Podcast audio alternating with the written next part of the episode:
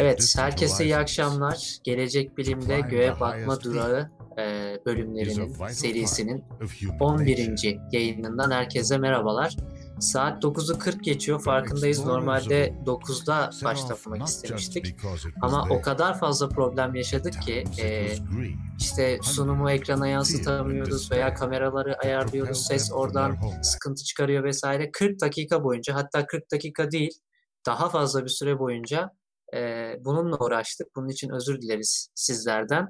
Ama nihayetinde buradayız. E, Zafer Hocam hoş geldiniz siz de. Nasılsınız? İyi misiniz? Çok teşekkür ederim. Sen nasılsın? Ben de iyiyim. Evet o zaman başlayalım artık. Değil mi? Tamam başlayalım. Halen Zafer Hoca'nın sesi az diyenler var. Ee, Normal demişler. Mi? Tamam. Tamam. O zaman başlayalım. Evet arkadaşlar bugünkü konumuz kaos ve kozmos olacak. Ee, aslında genel itibariyle daha doğrusu odaklanacağımız konu kaos teorisi olacak. Ben kendi sesimi çok duyuyorum yani. Sorun Kimden? Değil, Kemal. Ben de duyuyorum kendi sesimi. Nereden? E, Zafer Hocam sizden mi duyuyorum ben sesi? Hayır benden duyamazsın. Kulaklıktayım çünkü. Bir yayından falan mı geliyor ses? Semih Hocam sizden geliyor olabilir mi küçük bir ihtimal? Çok fazla geliyor çünkü ses.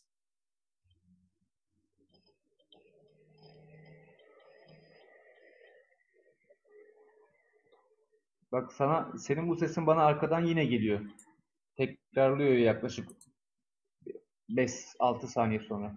Kulaklık var evet.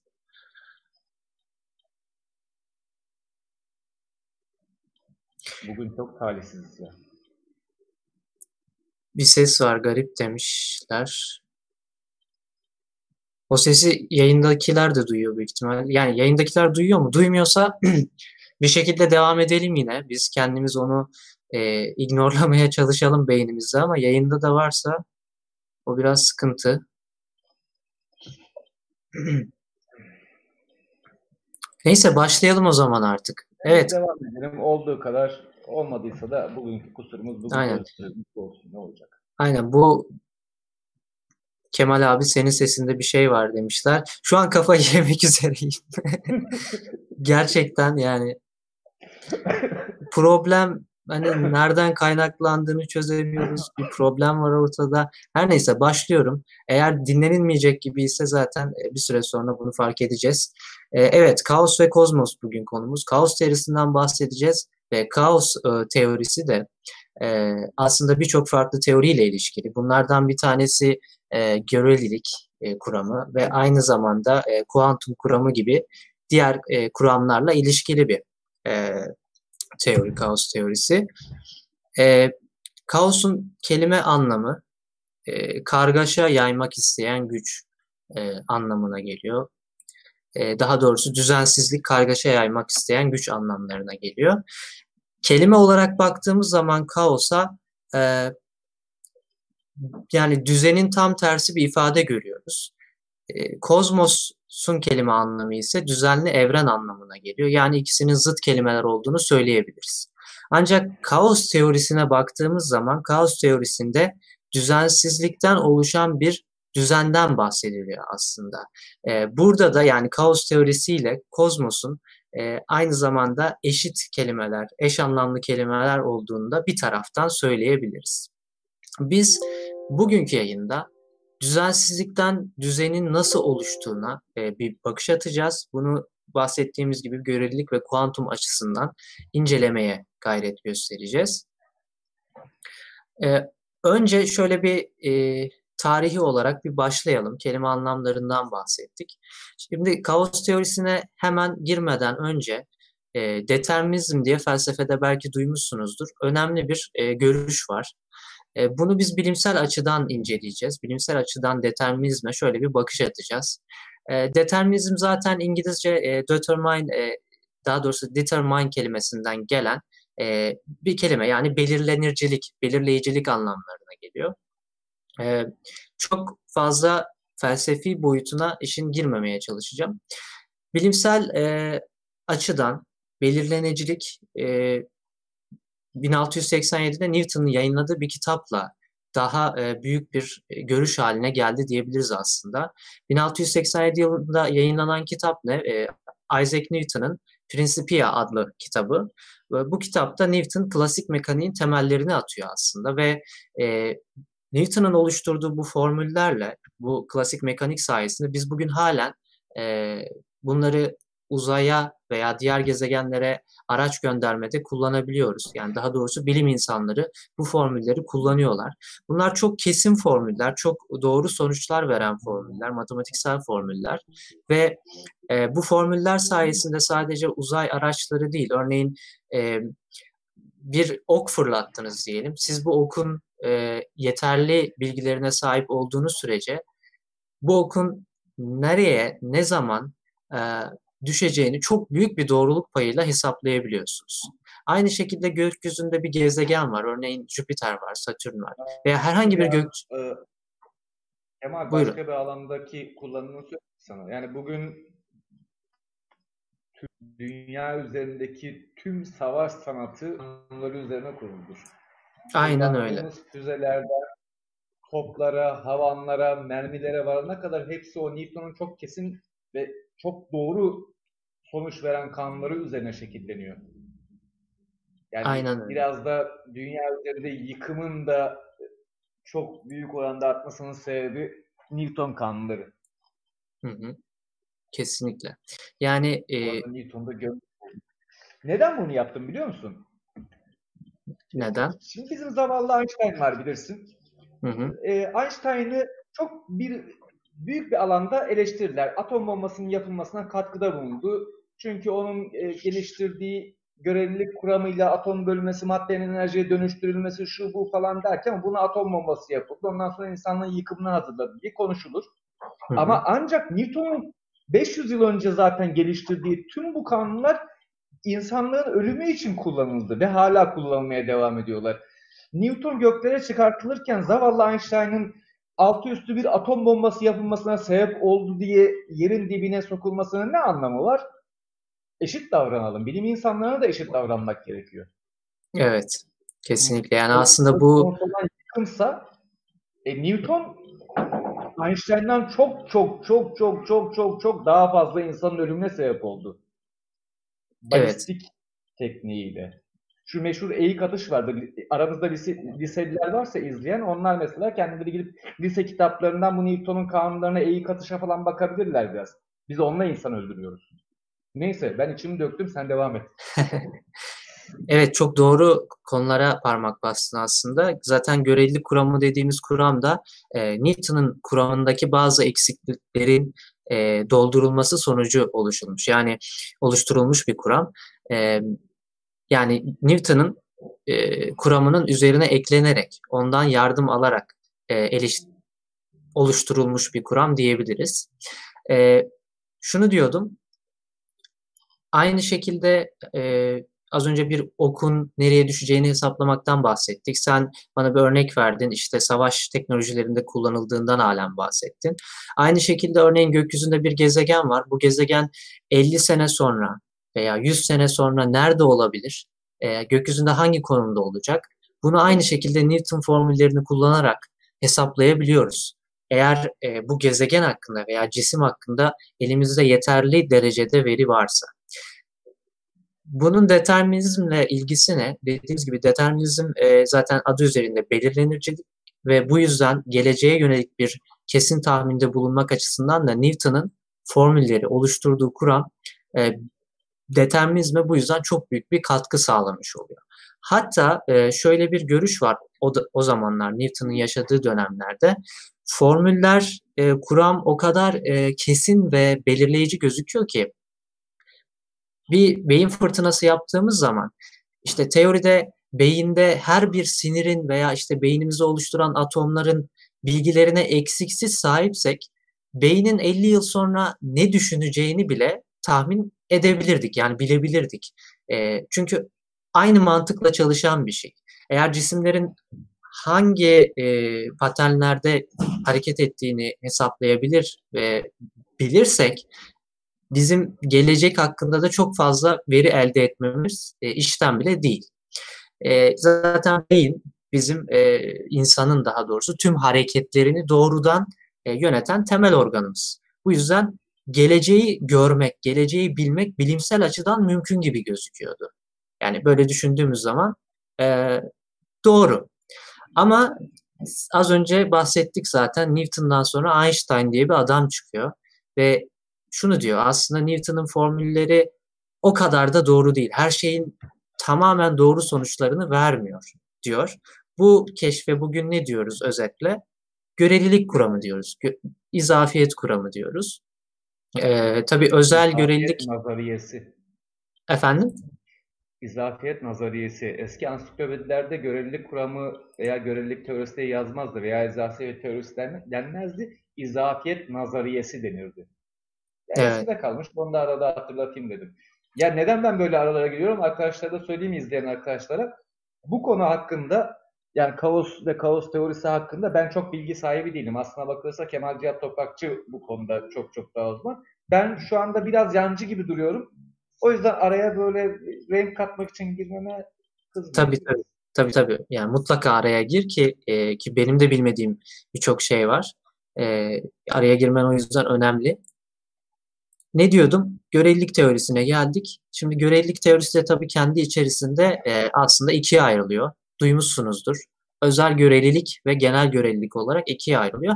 Bundan şöyle kısaca bahsedeyim. Özellik, özel görelilik ve genel görelilik arasındaki fark ne? Aslında çok basit bir şekilde bunu özetleyebiliriz. Özel görelilik dediğimiz e, tarafında sabit hızla hareket eden sistemler inceleniyor. Tabii bunlar matematiksel formüller şeklinde incelenen e, şeyler diyelim. Genel görelilik kuramında ise ivmeli yani hızı değişen hareket hareket sistemleri inceleniyor. Hatta bu özel ve genel görelilik kuramı arasındaki ayrımı anladığınız zaman, bunu gerçekten öğrendiğiniz zaman çok klişe, çok güzel bir soru vardır. İşte ışık hızında bir aracın farını yakarsak ne olur diye. Belki duymuşsunuzdur. Bu güzel bir sorudur. Hatta Kozmik Anafor'da da Zafer Hocam sizin yazınız var bildiğim kadarıyla. Evet, Bunu evet. Bunu anlamak da yine özel görelilik ve genel görelilik kuramı arasındaki ayrımı e, algılamaktan geçiyor aslında. Konumuza geri dönelim.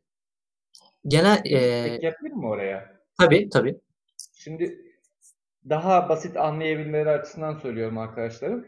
Özel görelilik dediğimiz şu meşhur zaman zaman genişler e, zaman yavaşlar mı, zaman hızlanır mı zamanın göreliliği nedir gibi konulara girmek istersek bu durumda biz özel göreliliğe gideceğiz. Aslına bakılırsa özel görelilik biraz da zamanın göreliliğinden bahsediyor. Hı-hı. Genel görelilik dediğin gibi ivmeli hareket, kütle çekim, ivmeli hareketle kütle çekimin birbirine benzerliğinden bahsederek, daha doğrusu birbirini taklit edebilmesinden bahsederek onu anlatan e, gök cisimlerinin, gezegenlerin konumlarını, hızlarını ve diğer yörüngesel hareketlerini belirlediğimiz bir hani Newton'un teorisini düzelten genel göreliliktir. Özel görelilik daha farklı. O zamanın göreliliği aslında genel görelilikle birleşiyor tabii ki bir, bir yandan yani kesiştiği noktalar var. Ama özel göreliliği, zamanın göreliliği, genel göreliliği de kütle çekim olarak atlan, e, düşünebilirler arkadaşlar. Evet. Ee, ben de zaten tam oraya gelecektim. Zamanla ilgili görelilik kuramı çok önemli şeyler e, söylüyor. Örneğin e, Einstein'ın görelilik kuramı zamanın mutlak olmadığını söylüyor. Yani zamanın e, değişmez, mutlak olmadığını söylüyor ve bu Newton'un formüllerine aslında ters. Çünkü Newton bunun tam aksini söylüyor. Newton'un formülleri, Newton'un e, matematiği bunun tam tersini söylüyor. Ve görelilik kuramıyla birlikte artık mutlak zannedilen e, pek çok değişken oldu. Hatta bu değişkenlerin de daha farklı değişkenlere bağlı olduğu ortaya çıkıyor. Bu ne demek? E, determinizme bir darbe demek. Çünkü e, determinizm bir şeylerin e, gelecekte belirlenebileceğini, gelecekte e, tahmin edilebilir olduğunu söyleyen bir şey. Ancak görelilik kuramı değişkenler vardır. Zaman mutlak değildir ve değişkenlerin de değişkenleri vardır diyerek bir darbe vurmuş oluyor. Ama bu çok büyük bir darbe değil aslında. Neden? E, çünkü mantıken düşündüğünüz zaman e, değişkenleri etkileyen tüm değişkenlerin de hesaplanabilmesi teoride mümkün. Yani bir şeyler e, veri sayısı artıyor olabilir ama halen teoride, e, düşünce deneyinde bu mümkün. Peki bundan sonra ne ortaya çıkacak? Kuantum teorisi. Kuantum teorisi ne diyor? Kuantum teorisi aslında mikro evrende geçen e, bir matematiktir, bir teoridir ve e, belki duymuşsunuzdur. Sicim teorisi bazen bize soruluyor. Sicim teorisi nedir? Sicim teorisiyle ilgili işte anlatır mısınız, bir şeyler söyler misiniz diye. Sicim teorisi gibi bir teorinin ortaya çıkma sebebi, daha doğrusu buna teori demeli miyiz bilmiyorum. Ee, sizce hocam sicim teorisi gerçekten bir teori mi yoksa halen hipotez e, aşamasında kalmış, varsayım aşamasında kalmış bir e, şey mi? Ne düşünüyorsunuz? Bunun üzerine çok tartışılabilir. Evet. İsterseniz... Sicim teorisi... Hı, buyurun. Atom altı ölçeklerdeki bazı davranışları açıklamaya çalışıyor. Ancak bu açıklamalarının birçoğunun deneysel kanıtına ulaşamıyoruz. Hı hı. Veya deneysel kanıtına ulaşabilmemiz için neler yapılması gerektiğiyle ilgili fikir de yürütemiyoruz. Sicim teorisinde çok, çok sık söylenen dördüncü boyut, beşinci boyut, altıncı boyut, yedinci boyut, sekiz, on, on bir boyut bunların deneysel olarak kanıtlanması pek mümkün değil. Hatta evet. hiç mümkün değil. Dolayısıyla Aynen. sicim teorisi burada bilimselliğin kriterlerinden bir tanesini kenara sıkıştırıyor. Çünkü bilimsel kriterlerde bir olguyu teori kabul edebilmek için genel olarak kabul edilmiş bir durum var. Deney ve gözlem yapılabilmesinin haricinde aynı zamanda yanlışlanabilme. Hı hı. Yanlışlanabilme aynı zamanda doğrulanabilme ile eşdeğer bir durum. Ancak bilimsel olabilmesi için bir olgunun doğrulanabilmesinden daha önemli olan şey yanlışlanabilmesi. Evet. Yanlışlanabilirlik ilkesi diye geçen olay. Fizik teorisi bazı alanlarda bu yanlışlanabilirliği ihlal ediyor. Çünkü ortaya attığı savlar, ortaya attığı durumlar yanlışlanamayacak şeyler. Hı hı. Evet bu da tam olarak bir teori haline getirmiyor aslında. Yeri gelmişken teori, e, hipotez, varsayım bu kavramlar nedir? Bu belki bunları bilmeyenler olabilir. Daha doğrusu yanlış bilenler olabilir. Çünkü bize okulda yanlış öğretiliyor. Ben hatırlıyorum. Örneğin genel bir yanlış ifade vardır. İşte teori ispatlanınca, teori kanunlanınca, e, kanıtlanınca kanun olur şeklinde yanlış bir ifade vardır. Aslında böyle bir şey yok teori kanıtlandığı zaman kanuna... Sene, 80 sene boyunca koca bir nesili çoğunluğu hala profesör, doçent olan, şu olan, bu olan koca bir nesili bu hatalı bilgiyle biraz zehirlediler. Evet kesinlikle. Yani dediğim gibi bana da okulda hep böyle öğretildi. Hatta ders kitaplarında bile böyle yazıyordu. Ben bilimin nasıl çalıştığını bir süre sonra kendim kitaplardan, popüler bilim kitaplarından vesaire okuya okuya anlamaya ve bir yanlışlık olduğunu fark etmeye başladım ki artık e, bunu internet üzerinde ulaşabiliyorsunuz. Teori vesaire kanun nedir? Bunlara ulaşabiliyorsunuz ve bugün biliyoruz ki teori kanıtlanınca kanun olmaz. Teori aslında bilimsel basamakta en tepede bulunan en güçlü kavramdır. E, teori eşittir kuram aslında. Hipotez eşittir varsayım diye de e, böyle akılda kalıcı olması açısından bir cümle söylemiş olalım. Peki e, madem teori kanıtlanınca kanun haline gelmiyor o zaman kanun ne? Bunu şöyle açıklayalım. E, basit bir örnekle açıklayalım. Newton'un yerçekimi teorisinden gidelim. Örneğin bir cismi yere attığınız zaman bu cisim yere düşer. E, bu cismin yere e, düşüşünü siz matematiksel olarak açıkladığınız zaman e, yani cismin yere düşmesi aslında bir kanundur. Bu doğanın bir gerçeğidir. Bu gözlemlenebilir. Bu matematiksel olarak ifade edilebilir. Bu bir kanundur. Ancak bu cismin yere nasıl ve neden e, düştüğünü açıkla, açıklayabiliyorsanız eğer yine bilimsel bir şekilde bu teoridir. Ve bu yüzden teorilerde her zaman eksiklikler bulunabilir. E, ama yine de çok güçlülerdir çünkü doğayı çok iyi açıklarlar. Ve doğada gerçekleşen herhangi bir olayı daha iyi açıklayan bir teori bütünü ortaya çıkana kadar elimizdeki teori en güçlü olanıdır. Yani örneğin Einstein'ın görelilik kuramı bize gelene kadar Newton'ın teorisi bizim için daha güçlüydü. Yani daha doğrusu e, görelilik kuramı yokken biz Newton'ın kuramını kabul ediyorduk. Çünkü elimizde o vardı. O daha iyi açıklıyordu. Tüm işimizi görüyordu çünkü. O, o döneme kadar yaptığımız her şeyi görüyordu. Evet. Einstein'ın teorisi ol, e, olmasaydı şu andaki görelilikle hesapladığımız şeyleri yanlış yapacaktık. Çok zorlanacaktık. Evet. Onu, o açığı kapattı. Dolayısıyla Newton teorisine biz yanlış diyemeyiz. Einstein Hı. teorisine doğru diyemeyiz. Aynen öyle. Yani çok arkadaşın kafası karışıyor böyle olunca. Ne demek yani Einstein'ın görelilik teorisi, özel görelilik teorisi doğru değil mi? Evet şu anda bizim tüm işimizi görüyor, hesaplarımızı yapıyor ama ileride karşımıza çıkacak başka sorunlarda belki bir başka insanın getirdiği başka bir açıklama çok çok daha iyi bir sonuç verecek. Evet. Yani az önce dedik ya sicim teorisini bulmaya çalışıyor bilim insanları veya daha doğrusu görelilik kuramıyla kuantum kuramını birleştiren bir teori bulmaya çalışıyorlar. Zaten e, bu her iki teoride de bulunan bazı eksikliklerden kaynaklanıyor. Çünkü mikro dünyada görelilik teorisinin içerisindeki e, matematiksel ifadeler, denklemler anlamsızlaşıyor. İşe Tam yaramıyor. tersine işe aynen işe yaramıyor.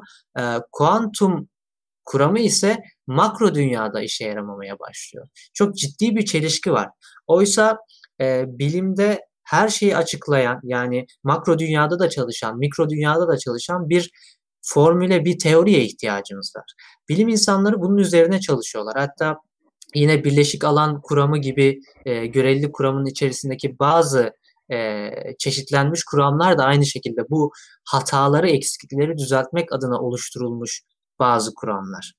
E, yani aradaki çelişkiyi, aradaki eksiklikleri mümkün olduğunca azaltabilmek için. Zaten böyle bir kuramı, nihai kuramı oluşturabilen bir bilim insanı veya bilim insanları e, görelilik kuramını keşfeden Einstein'dan veya işte e, kuantum kuramındaki o büyük bilim insanlarından benim görüşüm çok çok daha büyük bilim insanları olacaklar. Çünkü bu çok zor bir şey. Şu an hatta ben imkansız bile görüyorum şu anda bunu. Ya şöyle de olabilir.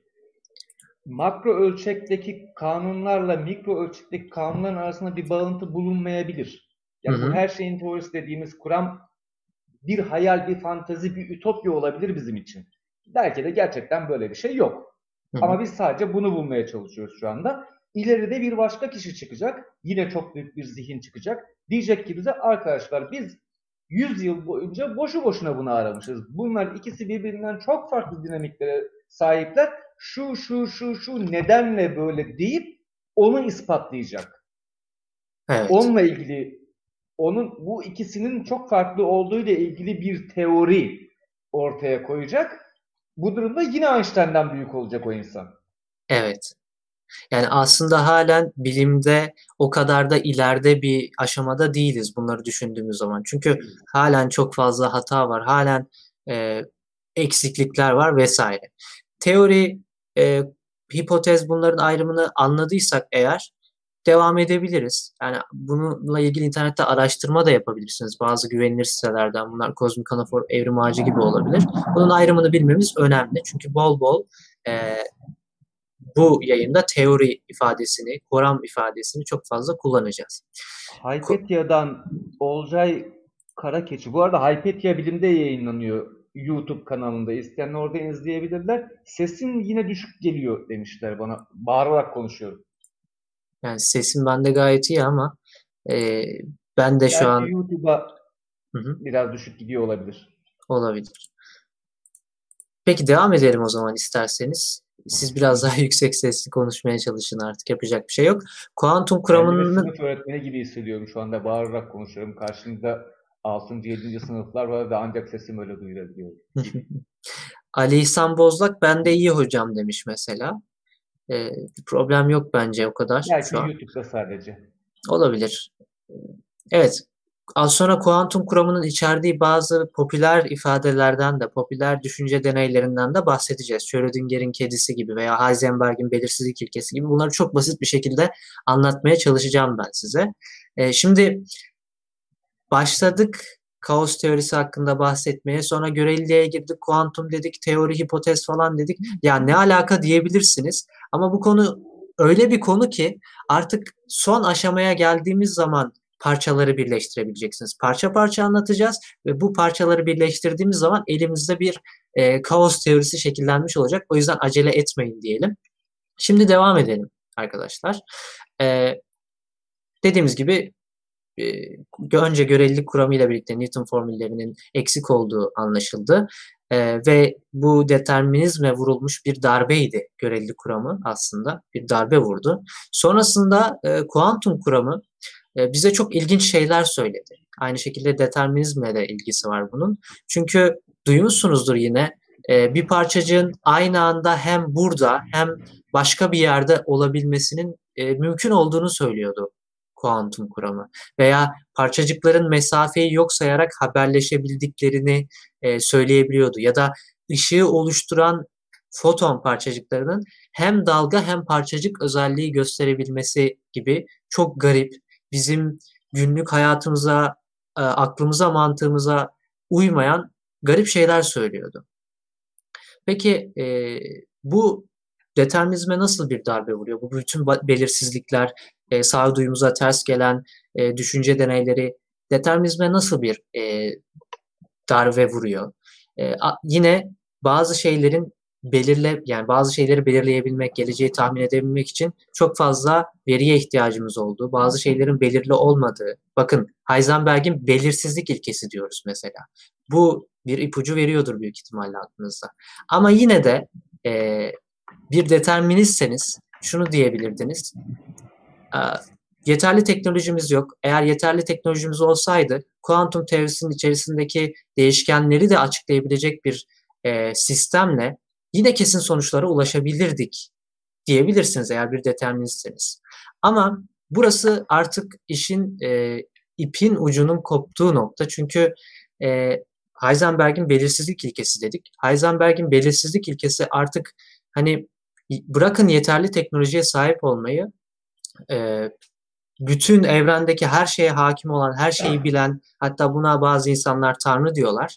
E, bilen bir varlıksanız dahi bazı şeyleri bilemeyeceğinizi ifade ediyor. Heisenberg'in belirsizlik ilkesi o kadar güçlü bir ilke aslında. Tabii bu e, tanrı ifadesini kullandım ama bu kafalardaki tanrı anlayışına göre farklılık gösterir. Onu da e, söyleyelim. İçin felsefe tarafını da biraz kenara bırakmamız lazım. Ya, bilimsel alanlarda kullanılan tanrı ifadesiyle gerçekten insanların inançlarıyla ilintili olan tanrı ifadesi birbirinden farklı. O yüzden bunu kimse karıştırmasın. Dini değerlere yöneltilen bir açıklama şeklinde düşünmesin.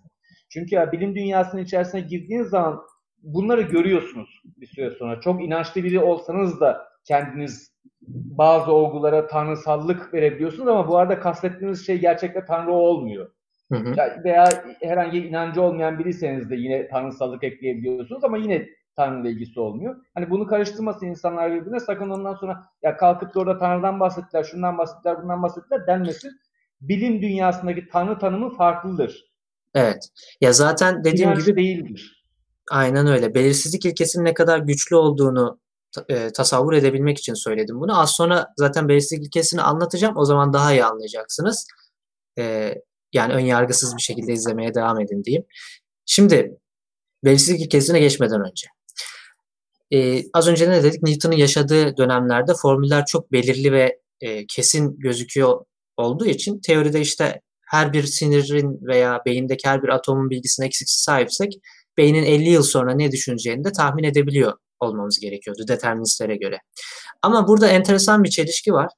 O zamanlar e, Newton'un kuramlarıyla veya o zamanlar bilim insanları herhangi matematiğe, herhangi bir e, kurama e, sahiplerse bir sinirin veya atomun e, hareketlerini zaten tahmin edemiyorlar. Onu geçtik.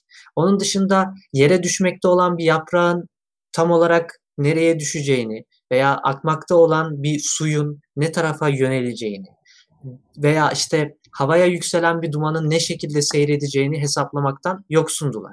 Çünkü ya bunlar düşünsenize çok basit hareketler. Bir yaprağın yere düşüşü, bir sigara dumanının yükselişi vesaire. Bunlar aslında çok basit gözüken hareketler. Ama bunlar bile hesaplanamıyor Newton formülleriyle. Bu imkansız. Çünkü inanılmaz fazla değişken var. Bütün bu hareketleri etkileyen çok fazla değişken var. Örneğin yaprağı ele alalım. Yaprak neden tahmin edilemez bir şekilde yere düşer? Önce yaprağın yere düşüşüne ne sebep olur? Tabii ki de yer çekimi kanunu. Bu bir kanundur. Az önce bahsettiğimiz gibi e, yaprağın yere düşmesine sebep olur.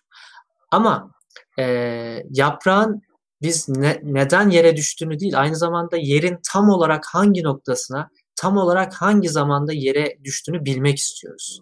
Çünkü determinizm aslında bunu gerektiriyor bir taraftan, bilimsel determinizm. Ee, bu cevabı kesin olarak bilmeye çalıştığımız zaman Newton formüllerinin bir süre sonra yetersizleştiğini görmeye başlıyoruz. Neden? Çünkü yaprağın yere düşüşünü etkileyen birçok değişken mevcut ki bu değişken ifadesi matematikte, bilimde daha çok parametre olarak geçiyor. Buna parametre de diyebiliriz. Örneğin yaprak yere düşerken o an esmekte olan bir rüzgar var. Bu rüzgarın hızını kesin olarak bilmemiz gerekiyor. Rüzgarın türünü kesin olarak bilmemiz gerekiyor. Nem oranını, o anki nem oranını tam olarak bilmemiz gerekiyor. Sıcaklığı bilmemiz gerekiyor. Bütün bu değişkenleri, bütün bu saydığım şeyler parametrelerdir, değişkenlerdir basit ve basit olanlardır. Bütün bunları bilmemiz gerekiyor. Hem ama e, e, efendim? Oh, oh Ne oldu? ee, yaklaşık bir aydır beklediğim fırtına başladı ve şu anda tam balkonun camın karşısında inanılmaz yıldırımlar düşüyor. Ve ben canlı yayında onları fotoğraflayamadan yayın yapıyorum. Ha, evet. Yayın bitecek, kesilecek ve ben kafamı yine duvarlara vuracağım. Evet kötüymüş. Oh. Üzüldüm. Peki devam edelim. Evet, devam edelim. Dediğimiz gibi yaprağın yere düşüşünü e, kesin olarak bilmemiz için nereye ne zaman düştüğünü en ince ayrıntısına kadar bilmemiz gerekiyor. Ve dediğimiz gibi yaprağın yere düşüşünü bilmemiz imkansıza yakın çünkü e, çok küçük bir değişken bile yaprağın yere düşüşünü tamamen farklılaştırabiliyor, değiştirebiliyor. Çünkü çok fazla değişken yani parametre mevcut. Hatta bunu büyük ihtimalle duymuşsunuzdur, daha önce duyduğunuz bir şeydir. Kelebek etkisi diye bilinir. Hatta şu an ha, hava durumundan bahsettiniz. Dışarıda fırtınaların e, yağmuru yağdığından, şimşeklerin çaktığından bahsettiniz. Kelebek etkisi bununla da alakalı. Kelebek etkisi nedir? E, büyük ihtimalle duymuşsunuzdur. Yani bir kelebek işte çok uzak bir yerde kanat çırpar Sonra dünyanın başka bir köşesinde fırtınaya sebep olur, yağmura sebep olur. Belki de şu an Antalya'da yağmakta olan, yağmura sebep olan yine bir kelebeğin, kuşun kanat çırpması da olabilir. Çünkü küçük değişkenlerin e, çok büyük olayları tetikleyebildiği, oluşturabildiği sebep oldu. Bugün bilinen Ama bir şey. Bunu ortaya atan da aynı zamanda o mikro ölçeklere bakan kuantum teorisi ya da kuantum fikri diyelim. Nasıl yani? Normal algılarımızla normal hani e, çok büyük ölçeklere bakan normal fiziğimiz kelebek etkisine izin vermiyor. Hı hı. Çünkü çok çok uzaklardaki bir ufacık hareketin çok çok daha büyük e, şeylere sebep olabileceği özellikle fırtınalar gibi ya da başka konularda zaten büyük ölçeklerde buna sebep olabilir küçük hareketler. Örneğin güneşte enerji oluşumu yine çok küçük çok düşük olasılıklarla meydana gelen hareketlerin sonucudur. Örneğin güneşin merkezinde enerji oluşması aslına bakılırsa normal şartlarda düşündüğümüzde normal şartlarda o atomların birleşmesini düşündüğümüzde mümkün değil.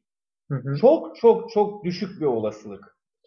Çünkü iki atomu birleştirecek olan gücün o çekirdekleri birbirine geçirebilmesi için önünde engel olan güçler var. Hani o güçlü, zayıf, güçlü çekirdek kuvvetleri dediğimiz kuvvetler büyük şekilde engel oluyor buna. Evet. Ancak o kadar düşük bir olasılık var ki kuantum tünellemesi dediğimiz çok çok düşük bir olasılıkla gerçekleşen durum var. Bu gerçekleşiyor Güneş'te. Yine çok düşük olasılıkla gerçekleşiyor. Örneğin iki atom iki birbirleriyle 2-3 trilyon kere birleşmeye çalışıyor. Anca bir tanesinde birleşebiliyor. 2-3 trilyon derken attım. Bu 10 trilyon da olabilir, 100 trilyon da olabilir. Çok düşük bir olasılıkla birleşebiliyorlar. Ancak o kadar fazla atom var ki Güneş'in merkezinde bu gerçekleşebiliyor. Çünkü 10 trilyonda bir rakamı yine abartarak söylüyorum. 10 trilyonda bir gerçekleştirilebilecek olan bu olay zaten 100 katrilyon atom aynı şeyleri yapıyorsa gayet sıradan bir hale geliyor. Evet. Yani burada olasılık aslında tesadüf ve olasılık kavramları arasındaki farkı da çok güzel anlatmış evet. oldu. Ee, çok önemli oldu bu açıdan da. Dediğin gibi çok küçük olasılıklar aslında bir kelebeğin kanat çırpmasının bir fırtınaya sebep olması. Ama bu yaşadığımız dünyada sürekli her gün belki milyonlarca yaşanan bir şey olduğu için milyonlarca e, kelebek kanat çırpıyor veya her zaman yaşadığımız bir şey olduğu için bu sürekli gerçekleşebiliyor. Peki kelebek etkisi e, kavramı nereden çıktı? Yani böyle bir şey bilimsel literatüre nasıl girdi? Ondan biraz bahsedelim. Sen ee, bahset. Ben içerideki bir takım pencereleri kapatmam lazım çünkü burası iyice coştu. Peki. Evi sel basmasın. Tamam. Evet, kelebek etkisi arkadaşlar e, Edward Lorenz'in keşfettiği bir fenomen aslında. Dediğimiz gibi dünyanın herhangi bir noktasına bir kelebek kanat çırpar ve bir fırtınaya veya hava olayına sebep olur. Edward Lorenz aslında bir meteorolog. 1963 e, yılında bilgisayarlarıyla hava durumu tahminleri yapıyor ve e, bir çalışmasında Lorenz hava durumu tahminleri yaparken sisteme bir sayı giriyor. Hatta o sayı 0,0 506 127 sayısı. Böyle bir değer. Çok küçük bir değer aslında. Bu sayıyı başlangıç verisi olarak bilgisayarına kaydediyor. Sonra e, 0,506 127 sayısını diyor ki ben bunu kısaltayım, yuvarlayayım. 0. daha doğrusu 0,506 olarak sisteme gireyim. Çünkü geri kalan, geride kalan sayı, yuvarladığım sayı çok küçük bir sayı. Bunun yani sisteme etki etmesi çok çok küçük bir olasılık diyor. Ve gerçekten düşündüğünüz zaman matematiksel olarak bu etki çok düşük yani imkansıza yakın diyebiliriz. Ama Lorenz e, başlangıç verilerini giriyor, sistemini çalıştırıyor ve belli sonuçlar elde ediyor. Ve tahmin ettiği sonuçların çok çok farklı e, kısmında seyreden sonuçlara e, ulaşıyor. Önce bilgisayarının bozulduğunu düşünüyor tabii Edward Lorenz. Daha sonra tekrar tekrar hesaplama yapıyor ama şunu fark ediyor. Aslında bilgisayarında bir bozukluk yok, herhangi bir problem yok. Onun yaptığı bu küçük değişiklik sistemin çok farklı bir aşamada seyretmesini, çok farklı sonuçlar vermesine sebep oluyor. Sonra e, yine o yıl 1963 yılında bunu o zamanın e, Atmosferik Bilimler dergisinde bir makale hal, halinde yayınlıyor, yazıyor ve burada da e, bir popüler bilim tabiri kullanarak kelebek etkisi diyor bu etkiye. Daha sonra bu kelebek etkisi kavramı da halk ve bilim dilinde artık e, yerini almış oluyor. Şimdi kelebek etkisi artık determinizme de dahil olmuş oluyor ve burada işler karmaşıklaşıyor. Neden? Çünkü çok küçük bir e, kelebeğin kanat çırpması büyük olaylara sebep oluyorsa bir olayın gelecekte tam ve kesin bilgisine sahip olmamız e, olasılığını da önemli ölçüde azaltıyor bu. Bu da yine e, determinizme kurulan bir darbe. Zafer hocamız uğraşıyor şu anda. Evet. Az önce belirsizlik ilkesi veya işte Schrödinger'in kedisi gibi kavramlardan bahsedeceğimizi söyledik. Ve bu kavramlar determinist gibi gözüken doğanın aslında belirlenemez olduğunu savunan şeyler. Ve kelebek etkisi de buna dair bir örnekti aslında. Schrödinger kedisinden bir başlayalım. Schrödinger'in kedisi mesela neden determinizme bir darbe vurur, neden doğanın belirlenemez olduğunu söyler, bilinemez olduğunu söyler. Bundan bir bahsedelim. Schrödinger'in kedisi e, bir düşünce deneyi aslında. Kuantum kuramının içerisindeki bize garip gelen bazı fenomenleri e, açıklamak için ortaya konulmuş bir e, düşünce deneyi. Çalışma sistemi aslında çok basit. E, bir kutuda veya kapalı bir mekanda bir kedimiz var. E, bu kedimiz e, kutunun içerisinde dururken aynı zamanda bozulma olasılığı %50 olan bir radyoaktif madde var. E, kedimiz diyorum şu an kedi beni rahatsız ediyor. Evet. Ya, e, benim de apartmanda yaklaşık bir aydır dadanmış olan eski bir yavru kedi vardı. Eski bir yavru kedi diyorum. Niye? Çünkü bundan iki ay öncesine kadar o yavruyu da seviyorduk. Daha sonra bir gün yanımıza hamile olarak geldi. Ve dün çatının evin hemen kıyıs, kıyısına böyle çatının kenarına dört tane yavru yapmış. Şimdi ona bakıyoruz. Evet. Schrödinger'in kedisi. Evet bu Aa, elim... o koyayım ya. Schrödinger diyeyim ben. Peki. Kedimizi yere bırakalım. Evet, kedimizi kutuya koyduktan sonra radyoaktif e, bir madde var ve bu maddenin bozulma olasılığı %50. E, %50 olan bu olasılık e, yani kutuya koyup terk ettiğimiz zaman bu kedi ölü müdür, canlı mıdır bunu bilmemiz için ne yapmamız gerekiyor aslında? Kutuyu açmamız gerekiyor. Yani gözlem yapmamız gerekiyor. Gözlem yapmadığımız sürece kedinin canlı mı yoksa ölü mü olduğunu bilemiyoruz. Yani o bozulma olasılığı olan radyoaktif madde bozuldu mu, bozulmadı mı bilemiyoruz. E, kuantum kuramında zaten özellikle bir kavram vardır. Gözlem kavramı diye. Gözlem yapmadığınız sürece bazı şeylerin bilgisine erişemezsiniz. Gözlem yaptığınız zaman sisteme müdahale etmiş olursunuz. Sisteme etki etmiş olursunuz. Sistemi bozarsınız. E, Schrödinger de bunu açıklıyor aslında. Kedinin hem canlı hem ölü olma e, kavramı aslında buradan geliyor. Ve burada şey bir detaya gireyim mi? Hı hı, tabii ki. Şimdi belirsizlik kuramı aslına bakılırsa şunu söylüyor. Senin az önce söylediğin şeyi söylüyor. Sisteme müdahaleyi söylüyor. Çünkü her gözlem zaten sisteme müdahaledir. Evet, aynen. Bu o kadar fazla kullanılıyor ki sahte bilinciler tarafından. İşte nasıl gözlemlendiğinin farkına varıyor diye bu konuda çok fazla bilgisi olmayan insanların üzerine bir sürü miti veya işte bir sürü inancı işte Budizm'den tut da başka işte inançlara kadar bir sürü inancı buna bağlıyorlar. Hı hı. Veya işte bazı mistik konuları buna bağlıyorlar. Ya gözlem müdahale demektir zaten. Bizim orada gözlemlediğimiz nesneler nedir? Son derece küçük, inanılmaz küçük, müthiş küçük elektronlar, fotonlar veya işte atom altı parçacıklar. Biz onları gözlemliyoruz. Hı hı. Bu tür şeyleri okuyup vay nasılmış falan diyen insanlar da bir şeyi düşünmüyorlar. Ya onu nasıl gözlemliyoruz biz? Evet. Bununla ilgili nasıl gözlemlediğimizle ilgili e, şu anda bizi takip eden arkadaşlar yazabilirler mi chat bölümünden? Hem YouTube'dan hem de Gelecek Bilim'de Twitch kanalından yazsınlar. Nasıl gözlemliyoruz? Bir akıl, bir fikir yürütsünler. Devam Peki. edebiliriz devam edelim. Şimdi bu bahsettiğimiz Schrödinger'in kedisi e, deneyiydi. Bununla ilişkili olan sizin de bahsettiğiniz Heisenberg'in belirsizlik ilkesi var. Bunu anlatalım. Bu arada e, çok sıkıcı bir şekilde anlatıyor olabilirim veya sıkılıyor olabilirsiniz. Çünkü Yok ya bence biraz güzel anlatıyorsun. Ben şu anda seni dinliyorum. Arada böyle şeyler düşüyor. Sen bakma. Hı-hı. konuşamadığımdan dolayı. Konuyu bilmiyorum. Sen daha iyi biliyorsun konuyu. Hı-hı. Ya işte konu da biraz parça parça olduğu için e, biraz akılda ya ne alaka diyor olabilirsiniz. Dediğim gibi sonuna yaklaştıkça bunları anlamaya başlayacağız. E, Schrödinger'in kedisinden bahsettik. Heisenberg'in belirsizlik ilkesini anlatacağız şimdi.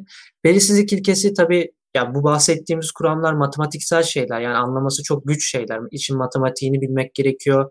E, hatta ileri düzeyde matematik bilmek gerekiyor. Bizim Aslında bahsettiğimiz verdiğimiz... zaten anlaşılması çok zor.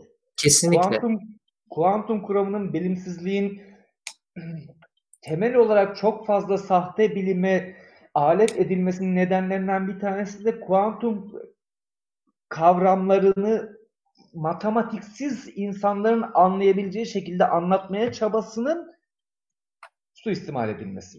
Evet, kesinlikle. Bu bu ayrımı gerçekten yapmak gerekiyor. Ee, bu arada Öksüz James Cleake'in Kaos isimli kitabını tavsiye ederim demiş. Kelebek etkisinin nasıl tesadüf eseri fark edildiği anlatılıyor demiş. James Cleake'in e, Kaos kitabını okudum ben. Gerçekten güzel bir kitap. O da bu yayınla alakalı tavsiye kitap olarak e, benim de tavsiye edebileceğim muazzam bir e, kitaptır. Hazır kitap tavsiyesi gelmişken konumuzla alakalı Derin Basitlik diye bir yine e, kaosla alakalı bir kitap var. Onu da şiddetle tavsiye ediyorum. Evet, Heisenberg'in belirsizlik ilkesine gelelim. Ben bu belirsizlik ilkesini e, fotoğrafçılıkla anlatmaya çalışacağım. Hocam siz de fotoğrafçılıkla ilgili birçok şey biliyorsunuz aslında. Beni daha iyi anlayacağınızı e, düşünüyorum. Çekemediğim fotoğraflardan dolayı camdan bakıp bakıp duruyor böyle kedi gibi bakıyor cama. evet. Makro fotoğrafıyla açıklamaya çalışacağım belirsizlik kuramını. Şimdi makro fotoğrafide küçük boyutlu canlılar, örneğin sinek, böcek, örümcek gibi bazı canlılar fotoğraflanmaya çalışılır. Ve bunun için kameranızda bazı ayarlar yapmanız gerekir. Ve makro fotoğrafide genelde güzel diyebileceğimiz fotoğraflar şu şekildedir. Ya şu an hatta ben sunumları falan ayarlamıştım ama dediğim gibi problem olduğu için onları gösteremiyorum. Keşke gö- gösterebilsem daha kolay anlatacağım. Ee, örneğin bir sinek var. Sineğin fotoğrafını çektik. Bu sineğin fotoğrafını çektiğimiz zaman işte sineğin üzerindeki detaylar, kanatlarındaki o ne denir ona kılcal damarlar mı denir artık? Zartı o yapı, kılcal damarlar evet. Aynen kılcal damarlar belirlidir. E, bacaklarındaki tüyler belirlidir. Yani sinekle ilgili bütün detaylara sahipsinizdir. Sineğin kendisiyle ilgili bütün detaylara sahipsinizdir. Ama fark ederseniz bu tür fotoğraflarda hep arka plan e, bulanıktır. Kamera bunu görmezden gelir. Odaklandığı şey direkt olarak sinektir. Tam tersini yaparsanız yani işte bir manzara fotoğrafı çekmek isterseniz e, sineğin arkasındaki manzarayı çekmek isterseniz manzara çok nettir ama sinek hakkındaki detay sayısı azalmaya başlar. Değil mi? Yani biz bir sivrisinek veya işte bir böcek fotoğrafı çekmeye çalışırken iki farklı sonuç elde ediyoruz. Bir tanesi bir, sivrisinek net, arka plan bulanık. Bulanık kelimesi yerine belirsiz de diyebiliriz. İkinci olasılıksa, ikinci türse arka plan net, sivrisinek bulanık yani belirsiz. Şimdi bunun belirsizlik ilkesiyle ne alakası var? Biz fotoğraf çekerken e, sivrisineğe ne kadar detaylı bakmaya çalışıyorsak, sivrisinekle ilgili ne kadar bilgi, veri elde etmeye çalışıyorsak arka plan hakkındaki bilgiden de o derecede feragat etmek zorunda kalıyoruz. Aynı şekilde arka plan hakkında bilgi etmeye çalışırken, bilgi elde etmeye çalışırken de sivrisinek hakkındaki, sivrisineğin detayları hakkındaki verilerden ve bilgilerden feragat etmek e, zorunda kalıyoruz. Başka bir şekilde e, sonuç elde edemiyoruz. Tabii bu e, biraz günlük hayatta bizim şu an yaşadığımız dünyada verdiğimiz bir örnek olduğu için bu bir, şey, bir şekilde çözülebiliyor olabilir şu anda. Ama Aslında doğaya baktığımız zaman yani bence de daha güzel bir örnek yani ben, bulamazdım galiba. Çok, çok uzun süredir bu örneğin nasıl verilebilir? Sen nereden? Se- sesim bir yani, gitti ama yine. Ya çok uzun süredir bu örneğin nasıl verileceğini düşünüyordum ben. Hani bu nasıl örneklenebilir diye düşünüyordum. Hı hı. Bir bana. Evet. Yani devam edeyim isterseniz. Teşekkür ederim bu arada. Gerçekten faydalı olmuşsa ben de mutlu olurum. Ee, belirsizlik ilkesinde sesim geliyor değil mi benim şu an? Problem yok. Geliyor geliyor. Bana geliyor. En azından bana geliyor. Tamam. Burada hız ve konumla alakalı şeyden bahsediyoruz belirsizlik ilkesinde aslında. Yani sivrisineğe biz ne kadar odak yaparsak aslında onun hızını hesaplayabiliyoruz. Çünkü onların işte kanat uçuşunu, e, kanatın nasıl hareket ettiğini falan e, görüp, veri elde edip hangi hızla uçtuğunu belirleyebiliriz. Ama nerede uçtuğunu, hangi bölgede uçtuğunu hesaplamak istiyorsak arka planı odağa almamız gerekiyor. Ama bir defa o sivrisinek daha bulanık gözükeceği için, sinek daha bulanık gözükeceği için bu defa onun hızı hakkındaki veriden feragat etmiş oluyoruz. Yani e, burada konum ve hız arasında e, ki herhangi bir bilgiden ödün vermek zorunda kalıyoruz. Belirsizlik ilkesi bunu söylüyor aslında. E, bir parçacığın konum ve hızı aynı anda e, bilinemez diyor. En basit ifadesiyle böyle e, ifade edebiliriz. Tabi burada hız diyoruz ama daha doğru e, fizikteki ifadeyle buna momentum diyelim. Çünkü belirsizlik ilkesinde momentum olarak geçer bu. Biraz daha farklı bir kavram aslında. Yani bu her iki bilgiye birden aynı anda doğa, kuantum kuramları, doğanın işleyişi bize izin vermiyor. Böyle bir sınır var. Ve bu sınırı hiçbir şekilde açamıyoruz. İki bilgiyi aynı anda iki bilgiyi de e, kesin olarak elde edemiyoruz. Peki bu e, determinizme nasıl bir darbe vurmuş olabilir sizce? Şöyle, determinizm ne diyordu? Her şeyi kesin olarak belirleyebilmek, her şeyi kesin olarak bilebilmek. E, belirsizlik ilkesi bunu diyor ki doğa bunu engelliyor, bunu siz bilemezsiniz. Böyle bir ilke var. Bu yüzden determinizme çok büyük bir darbe vurmuş oluyor. E peki bir şeyleri biz bilemiyorsak, doğa bize bir engel koyuyorsa ve doğa bu kadar karmaşık gözüküyorsa, doğa böyle çalışıyorsa, geleceğe yönelik tahminlerimizi nasıl yapmamız lazım? Doğaya biraz ayak uydurmamız gerekiyor. Eğer doğa rastgele çalış, çalışıyorsa, kaotik çalışıyorsa, bizim doğayı anlayarak bazı ilkeler veya kuramlar oluşturmuş olmamız gerekiyor. Bu yüzden e, çekerler yani attractors diye bir matematiksel bir e, e, fenomen mi diyeyim, matematiksel bir ilke mi diyeyim, ilke tam olarak değil ama e, bir düşünce ortaya atılıyor. Çekerler nedir? Ah keşke sunumu aktarabilseydim de yine fotoğrafları gösterebilseydim sizlere. Ee, ama gösteremiyorum. Çekerlere geçeceğim. Çekerlerde kaldık. Hemen bir yorumlara bakayım. Biraz ihmal ettim orayı farkındayım. Ben de şimdi oraya bakacaktım. Oraya diğer bilgisayarda ona bakıyordum. Evet. E, Lavandulafi, yayının başını kaçırdım, söylendim bilmiyorum ama kaosun Yunanca'da uçurum anlamına geldiğini, kaosa sürüklenmeyi bu anlamda kullandıklarını okumuştum. Bir de bunu anlatırken bir dik üçgen kullanırlar. Üçgenin içi rasyonalizmi temsil eder. Üçgenin dışı irrasyonalizmi. İrrasyonalizm tabandan dik uca kadar artar ve en tepe kaostur. Bilmediğim bir bilgiydi. Çok güzel bir bilgiymiş. Ee, teşekkür ederiz Lavandulafi'ye. Başka, evet yarık deneyinden bahseder misiniz demiş protestosteron. Ee, Benim sorduğum soruya ne gelmiş? Efendim? Nasıl gözlem yapıyoruz? Gözlem nedir sordum ya Hı-hı. izleyicilere. Bu konuda fikirleri varsa söylesinler. Hani gözlemlendiğini nereden biliyor bu parçacıkta davranış değiştiriyor? Hı hı. Çift yarık deneyi de mesela burada bununla çok ilgili. Çünkü çift yarık deneyi çok suistimal ediliyor. Cafer Güden dolaylı yollardan demiş. Sanırım senin e, sorduğun soruya bir yanıt bu. Çilekte fotonla vuruyoruz diye bir yanıt vermiş. Siz isterseniz bunun cevabını verin. Çok Cevap da uzun. vermeye geç. devam edilsin. Ben cevabı söyleyeceğim daha sonra. Peki, peki siz bilirsiniz. Ee, çift yarık deneyini şu an tam olarak hatırlayamıyorum ben. Yani genel hatlarıyla hatırlıyorum. Yani ya iki... şöyle çift yarık deneyi. Ee, bir parçacık, bir foton veya bir elektron birbirine hı hı. çok yakın iki yarıktan geçiriliyor. Eğer gözlemlenirse iki yarıktan aynı anda geçiyor. Hı hı. Bu. Aslında şey, e, çift yarık deneyinin tam olarak düzenini ben hatırlamıyorum ama söylediği şeyi, bize sunduğu bilgiyi ben söyleyeyim. Bir parçacığın, yani daha doğrusu fotonun hem dalga hem parçacık özelliği gösterebildiğini kanıtlayan bir e, deneydir Çünkü bu. Arka plana koyduğumuz perdede sanki bu bir dalgaymış gibi görüyoruz onu. Hı hı. Yani iki yarıktan aynı anda geçmesi de bu anlama geliyor. Yoksa biz onun iki yarıktan da aynı anda geçip geçmediğini bilmiyoruz. Hı hı. Ama test ediyoruz, gözlemliyoruz. Gözlemlediğimizde de bunu belirsizlik ilkesi eşliğinde cevaplayabiliyoruz. Evet. Yani ama en temelde dalga parçacık ikililiği diye bilinen e... Ve belirsizlik ilkesini dengede şunu söylüyoruz biz ona. Ya aslında biz buraya bir tane parçacık göndermedik. Bu dalga. Ama gözlemlemezsek normal şartlarda tek bir yarıktan geçmesi lazım. Fakat evet. gözlemlediğimizde iki yarıktan da geçebildiğini öyle bir olasılığın olduğunu görüyoruz. Ondan sonra biz kalkıp elektronun ve fotonun dalgacı dalga özelliği gösterdiğini, parçacık özelliğinin haricinde böyle bir özelliği olduğunu söylüyoruz. Evet.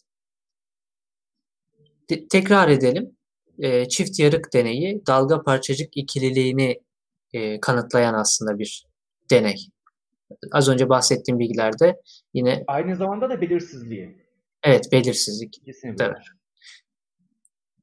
Tekrarlamış olalım onu. Sorularınızı sorabilirsiniz halen. Ben arada okuyor olacağım. Ee, Şimdi devam edeyim. Çekerlere gireceğim dedim. Ne dedik? Eğer sistem yani doğa karmaşık ve kaotik hareket ediyorsa geleceğe yönelik tahminler nasıl yapılabilir? Bir kere burada şunu da eklemek gerekiyor. Fark ettiyseniz determinizm zayıfladı, zayıfladı, zayıfladı. Artık belirsizlik ilkesiyle birlikte e, bir nevi çöktü diyebiliriz. Ama tabii e, determinizm özünde felsefi bir görüş ve felsefi görüşler öyle e, bilim bir şey dedi diye çökecek işte ya, e, tamamen yanlış olacak şeyler değil. Bilimsel açıdan bakıyoruz aslında. Ben çok daha basit, e, çok daha dar bir bakış açısıyla konuyu daha iyi anlatmak için söylüyorum. E, doğanın ne kadar belirsiz ve kaotik olduğunu açıklamak açısından bunu da eklemiş olayım yanlış anlaşılmasın. Şimdi çekerler nedir? E, çekerler e, yine kaos teorisinin altında kelebek etkisi dediğimiz o kavramla birlikte gelişen bir e, adı aslında. Ne diyor çekerler? Ne yapıyor çekerler? Aslında tamamen rastgele gözüken e, kaotik sistemlerin, işte bu hava durumu olabilir, kimyasal reaksiyonlar olabilir, yıldız oluşumları olabilir. Yani rastgele gözüken kaotik sistemlerin faz uzayı adı verilen e, bütün olası durumlarının temsil edildiği bir tabloda gösterilmesi, matematiksel olarak ifade edilmesi. Ama bu ifadeler aslında çizimlerden oluşuyor. E, işte bir x e, ekseni var, y ekseni var, z ekseni var. Bu eksenlerde rastgele hareketler belli paternler, belli çizimler oluşturuyorlar. Ve kaotik sistemlerde şunu görüyoruz. Bu ifadelerde hep şunu görüyoruz. Kaotik sistemler bu matematiksel ifadelerde bir çeker tarafından çekiliyor. Düzenli bir e, patern oluşturuyor. Hatta Lorenz'in e, hava durumlarının uzun süreli tahminleri üzerine yaptığı bir çizim yani bir çeker çalışması var. Bu çekerde ilginçtir. Kelebek kanatlarına benzeyen bir e, çizim görüyoruz. Bunu e, dediğim gibi şu an sunumda gösteremiyorum yani ya, yansıtamadık ekrana. Ama lütfen Google'a girin. İşte Lorenz çekeri veya Edward Lorenz attractor gibi yazabilirsiniz. Ne demek istediğimi çok iyi anlayacaksınız. E, bu ne anlama geliyor? Bu çekerler aslında binlerce farklı parametreye sahip bir sistemin zaman içinde belli e, sınırlara bağlı kaldığını gösteriyor ve bu sınırların dışına çıkamadığını aynı zamanda gösteriyor. Ve bu kaotik sistemler, hava durumu gibi kaotik sistemler e, matematiksel bir anafor tarafından sürekli çekiliyor. Bu, bunun peki bize faydası ne? Gelecekte nasıl bir hareket sergileyeceğine dair tahmin etmemize olanak sağlıyor. Ki bugün halen hava durumu tahminlerinde, meteorolojide e, kaos teorisi, çekerler kullanılan bir şey. Bizim tahmin etmemizi sağlayan bir şey. E, aynı zamanda çok ünlü bir çeker olarak, çok ünlü bir attractor olarak bir de Otto Rössler çekeri var. Bu da kimyasal reaksiyonlardaki e, kararlılık modellenerek oluşturulmuş bir çeker. Yine Otto Rössler çekeri veya Otto Rössler attractor diye yazarsanız bulursunuz. Baktığınız zaman çizimlere çok düzenli çizimler. Hatta e, sanki rastgele oluşan doğa tarafından oluşturulmuş bir çizim değil de sanki bir insan, bir sanatçı çizmiş gibi gözükür bu çizimler. Ama kimyasal reaksiyonlar karmaşık olarak bildiğimiz, rastgele hareket eden yapılar olarak bildiğimiz e, hareketler. Ama yine baktığımız zaman otorostal çekerinde düzensizlikten istifade bir düzenin oluştuğunu görüyoruz. Yani aslında çekerler kaotik dediğimiz o sistemlerin, kaosun çok güzel örnekleri. Bunu görsel olarak da görebiliyoruz. Çünkü düzensizlikten inanılmaz bir düzen oluşuyor. Ve bu sadece bizim estetik algımızla da ilgili değil. Ilgili değil. Geleceğe yönelik tahminler yapabiliyoruz e, çekerler sayesinde veya kaos teorisi sayesinde sadece hava durumu değil, kimyasal reaksiyonlar değil, bugün tıpta kanserin erken teşhisi gibi alanlarda da kullanılıyor e, çekerler. Geleceğe yönelik bir tahminde bulunabildiğimiz için, belli paternlerin devamını e, tahmin edebildiğimiz için. Veya e, bu çekerler dediğimiz o matematiksel ifadeler, siz bunun herhangi bir şeyde ifadesini çıkarabilirsiniz, uğraşabilirsiniz üzerine. Kullandığımız elektronik aletlerde bu çekerler mevcut. Matematiksel bir anafor mevcut. İzlediğimiz filmlerde işte e, ciğerlerimizdeki o yapıda, hücrelerimizde veya her yerde kullanılan, her yerde görebileceğimiz bir şey bu aslında. Biyolojide, astronomide, matematikte, havada, yerde, uzayda, ekonomide dahil. Ekonomide gerçekten ekonomide çok büyük bir e, alan kaplar zaten kaos teorisi. Çünkü çok kaotik bir şeydir ekonomi ve ekonominin nasıl seyredeceğini gelecekte e, tahmin yapabilmek için zaten ekonomistler, bilim insanları e, kaos teorisini, çekerleri özellikle kullanırlar. Çekerlerin başka bir çeşidi olarak da aynı zamanda fraktalları belki duymuşsunuzdur. Fraktallara geçeceğim. Hemen bir çete şöyle bir bakayım. Cemal Şengör, hocam ama bu kadar küçük şeyler büyük değişimlere neden oluyorsa kaos diye yorumladığınızı hassas ayar diye de yorumlayamaz mıyız? Hayır, bu kadar küçük şeyler büyük değişimlere neden oluyor. Hayır, hayır. Şimdi çok küçük şeylerdeki algılanması gereken konu şu. Burada o çok küçük değişimler bilimsel anlamda bakıldığında bir rastgelelik. Evet. Hatta ve hatta sahte bilimcilerin çok kullandığı bir dille söyleyeyim. Rastlantısallık, rastgelelik. Evet. Yani bu tesadüf. Ha, tesadüf de doğru. Doğrusu tesadüf. Özür dilerim. Çok kullanılan tesadüfü. Tesadüfle rastgelelik birbirine çok benzer ama bilimsel anlamda farklıdır. O nedenle bu rastgelelikleri yani bu tesadüfi durumları e, bir düzenle bağdaştıramayız. Çünkü şöyle dememiz gerekir. Düzen, çok ince düzen, çok muazzam düzenler tesadüflerden oluşur dediğimizde zaten o düzen fikrini şey kötü bir şekilde anlatmış oluruz. Hı hı. Yani burada hassas ayar için aslında e, benim böyle bir düşündüğüm zaman hassas ayar dediğim zaman aklıma gelen şey anında oluşan tamamen düzenli e, sistemler diyebiliriz ama bir hassas teorisine... tümüyle rastlantılardan izah edemeyiz. Evet. Ama işte dediğim gibi kaos teorisine baktığımız zaman bu hassas gözüken ayarlar çok fazla olasılığın birleşiminden veya çok uzun sürelerin sonucunda çok uzun e, geçen zamanın sonrasında oluşan şeyler. Dolayısıyla ben öyle düşünmüyorum. E, bu arada YouTube'da yine gelen sorular var. Onlara da bakalım. Çift yarık deneyi gerçek mi demiş. Evet gerçek bir deneydir. E, az önce yani biraz bahsettim. yapıyorlar onu. Hatta şu aralar çok sık yapılan TÜBİTAK İlkokullarda yapılmıyor özür dilerim. Yani ilkokullarda yapılanları var da şu aralar çok sık yapılan liselere TÜBİTAK'ın verdiği TÜBİTAK projeleri vardır. Ee, Hı. O TÜBİTAK projelerinde öğrenciler, ortaokul ve lise öğrencileri zaten bu çift yarık deneyini kendileri yaparlar, sürekli yapıyorlar. Bu oldukça o kadar popüler ki. Ya evinizde kendiniz de yapabilirsiniz. Al iki tane jilet, yani bu satılan normal uzun şey saplı jiletlerden değil de jilet bıçaklarından al ikisini böyle yapıştır. Bir tane kağıdın üzerine böyle bir çizik at. Ondan sonra onu bir yere sabitle. Arkasına da bir tane şey koy. Bir perde koy. Önden de bir lazer veya lazerle çok güzel her yerde var. Lazer tut arkada girişim desenini gör. Gözlemlersen görürsün. Veya daha ilerisi yapmayı ya, emin misiniz? O, o, o kadar basit bir şekilde gözlemleyebiliyor muyuz?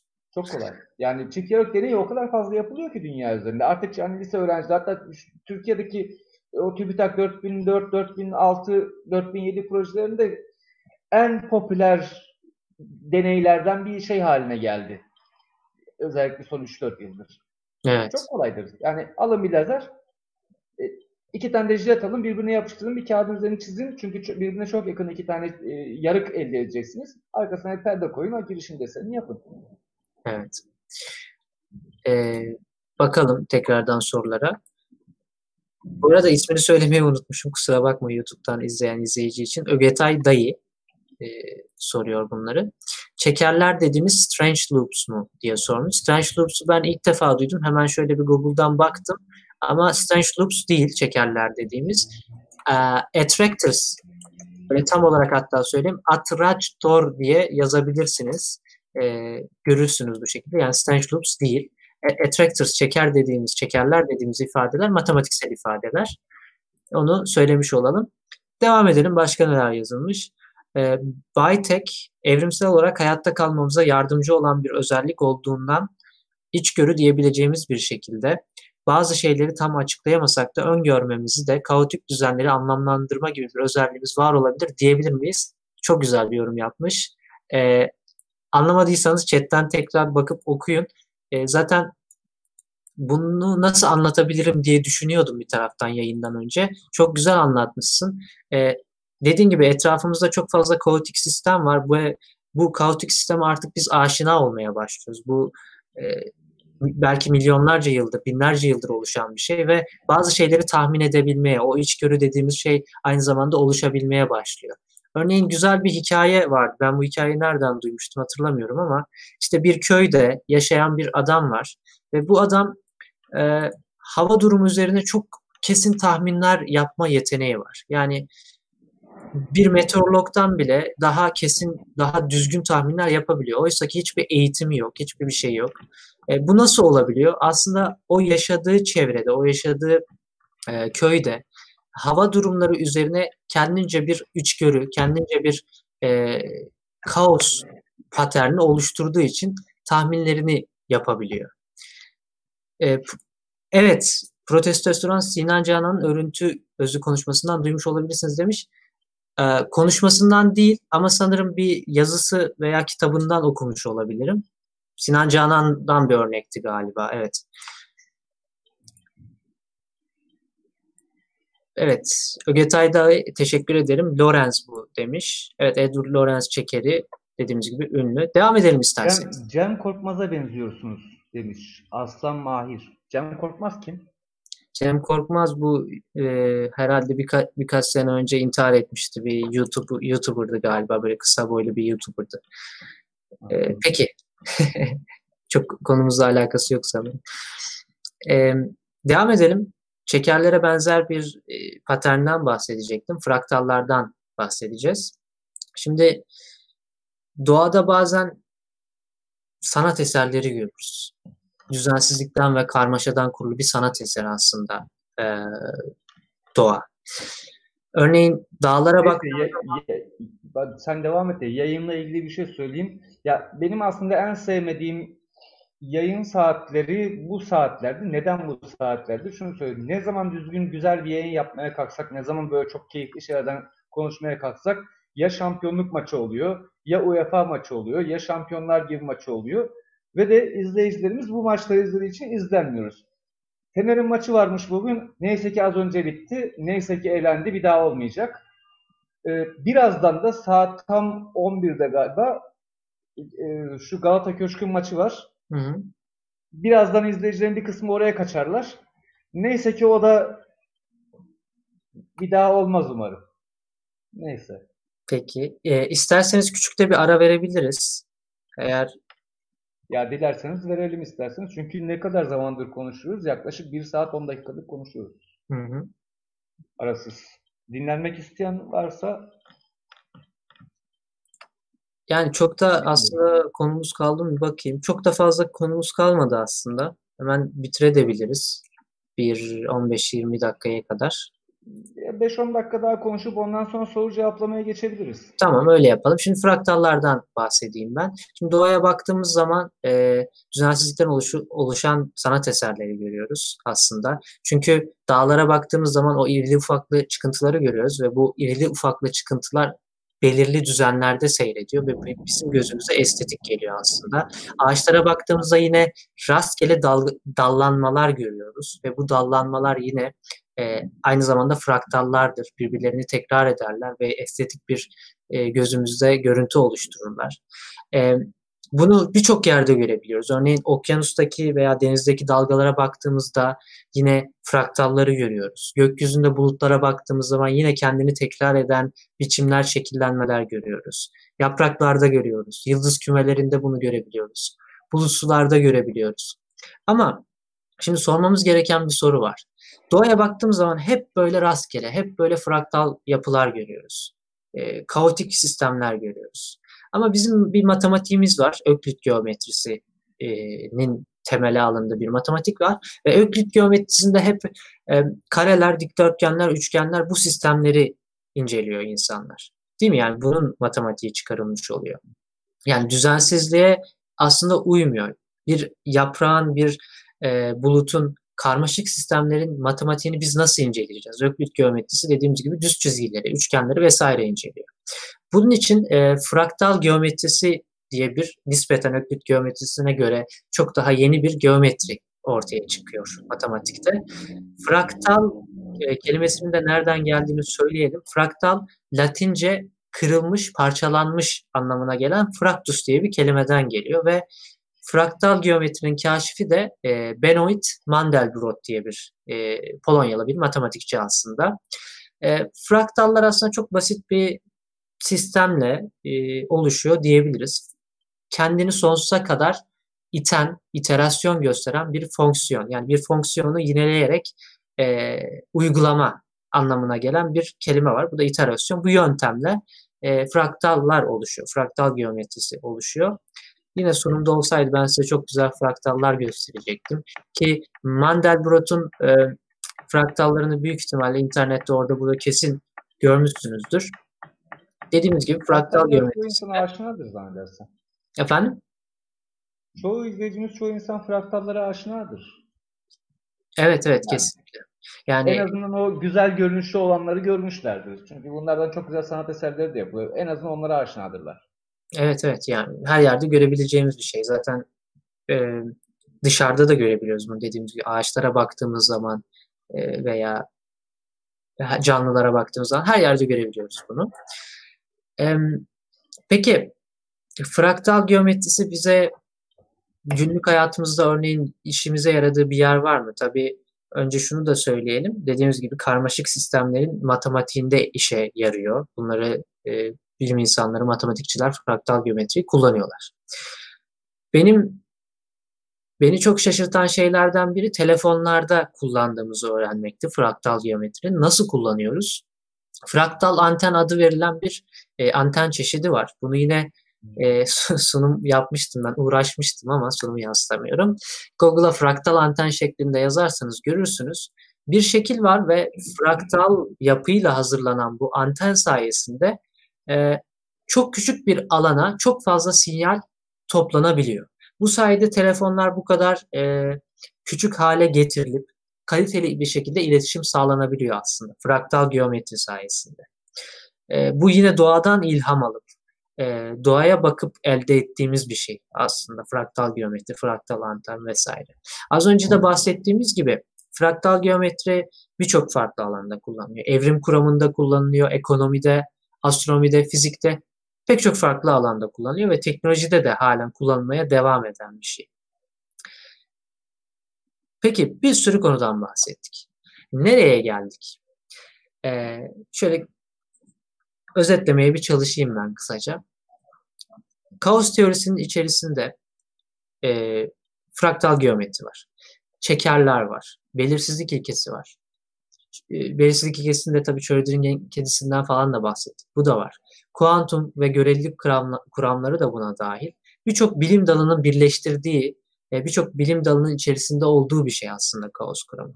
Ve doğanın nasıl çalıştığını, doğanın rastgeleliğini, doğanın öngörülemezliğini anlamamızı, geleceğe yönelik tahminlerde kesin olarak bilemesek de fikir edinmemizi sağlayan bir teori aslında. E, bir matematiği olan, bir teorisi olan, hatta bir tarihi olan bir teori. Benim hoşuma giden şey diğer teorilerin aksine e, sanatsal ve estetik bir tarafının olması. Fraktallardan bahsettik örnek vermek gerekirse. E, bu şekilde yani kaos teorisi hakkında anlatacağım şeyler bunlar. Sorularınızı alabiliriz isterseniz. Muhtemelen unuttuğum benim anlatmak istediğim ama anlatırken e, kaçırdığım birçok nokta olmuştur. Soru sorarak hatırlatabilirsiniz bana bunları. Yani istediğiniz aklınıza ne geliyorsa sorarsanız güzel olur. Hocam sizin eklemek istediğiniz e, veya sormak istediğiniz bir şeyler var mıdır? Ya baş, yayının başında söylediğim gibi bu kaos teorisi benim bilgi sahibi olduğum bir alan değil. Hı hı. Dolayısıyla ben yandan bir şeyler söylemeye çalışan birisi olarak bu yayında var oldum. Gayet güzel. Ben aslında seni dinledim. Bir şeyler öğrendim. Şu anda onları sindirmeye çalışıyorum. Peki. Ya umarım anlaşılır anlatabilmişimdir. Çünkü dediğim gibi çok zor konular. Yani kuantum kuramını anlamak e, ve basit bir şekilde anlatmak gerçekten çok zor ve ben bir sürü konuyu bir anda anlatmaya çalıştım. Belirsizlik ikisidir, göreliliktir vesaire. E, umarım anlaşılır olmuştur. Bakalım Cemal Şengör e, belirsizlik ilkesinin kaynağı kuantum mu Heisenberg mi e, demiş. Şimdi belirsizlik ilkesi bahsettiğimiz gibi kuantumun, kuantum kuramının e, nasıl çalıştığını, ne ifade ettiğini aslında bize açıklayan bir şey diyebiliriz. Ve yani tabii kaynağı kuantum ama Heisenberg'in ortaya attığı bir bütün, formüller bütünü diyebiliriz. Makro ve mikro sistemleri nasıl ayırt ederiz demiş Quantum, Quantumifier. Ee, yani ayırt etmekten kastın ne tam olarak onu anlamadım. Onu daha detaylandırırsan. Buyurun hocam siz söyleyin. Mikro ölçekler kuantum kuramlarının çünkü kuantum kuramı bir tane kuram değil. Kuantum kuramı diye bir kuram yoktur. Kuantum dünyasını anlatmaya çalışan birçok kuram vardır. Mikro ölçek dediğimiz atom altı yapılar, parçacıklar. Protonun, hmm. hatta protonu oluşturan kuarkların, fotonların, elektronların, pozitronların ve diğer tüm e, atom altı parçacıkların hareketleri mikro dünya oluyor. Bir atom ve üstüyse eğer bu artık makro dünyaya giriyor. Çünkü atomun davranışlarını büyük oranda kimya ile açıklıyoruz. Bu arada mesela hiç kimyadan bahsediyor. Atomdan bahsedilirken mesela insanların hiçbirinin merak ettiği bir şey değildir kimya. Oysa hayatınız boyunca kimya biliminin makro ölçekte atom, atomu artık makro ölçek olarak görüyoruz. Makro ölçekte gerçekleştirdiği o bilim ve araştırmalar sayesinde tüm kullandığımız şeyleri sağlıyoruz.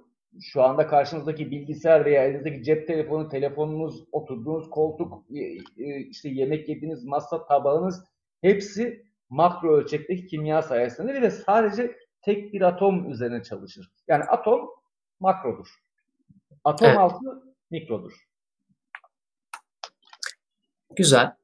E, Baytek sormuş. Kuantum dolanıklık ile maddelerin çok uzaklardan birbirleriyle aynı anda etkileşmesi de sistemlerin kaotik hale gelmesinde etkili midir?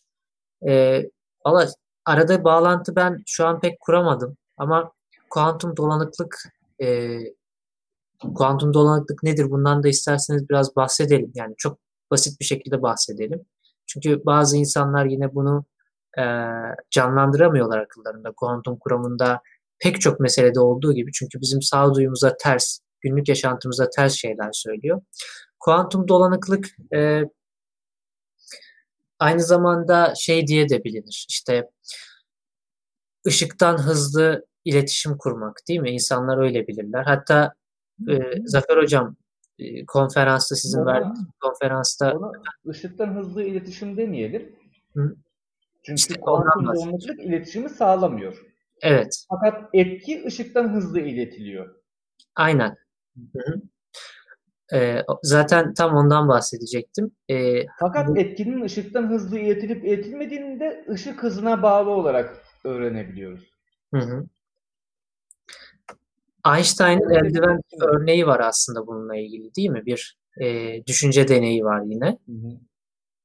Örneğin bir kutuda e, sağ eldiven var, bir kutuda sol eldiven var ve bu kutulardan birini ışık hızıyla iletişim kurmanızın çok uzun zaman alacağı, milyonlarca yıl alacağı bir mesafeye gönderdiğiniz zaman e, şöyle bir düşünce deneyi yapalım. Çok uzak mesafelerde iki kutu var. Birinde sağ eldiven var, birinde sol eldiven var.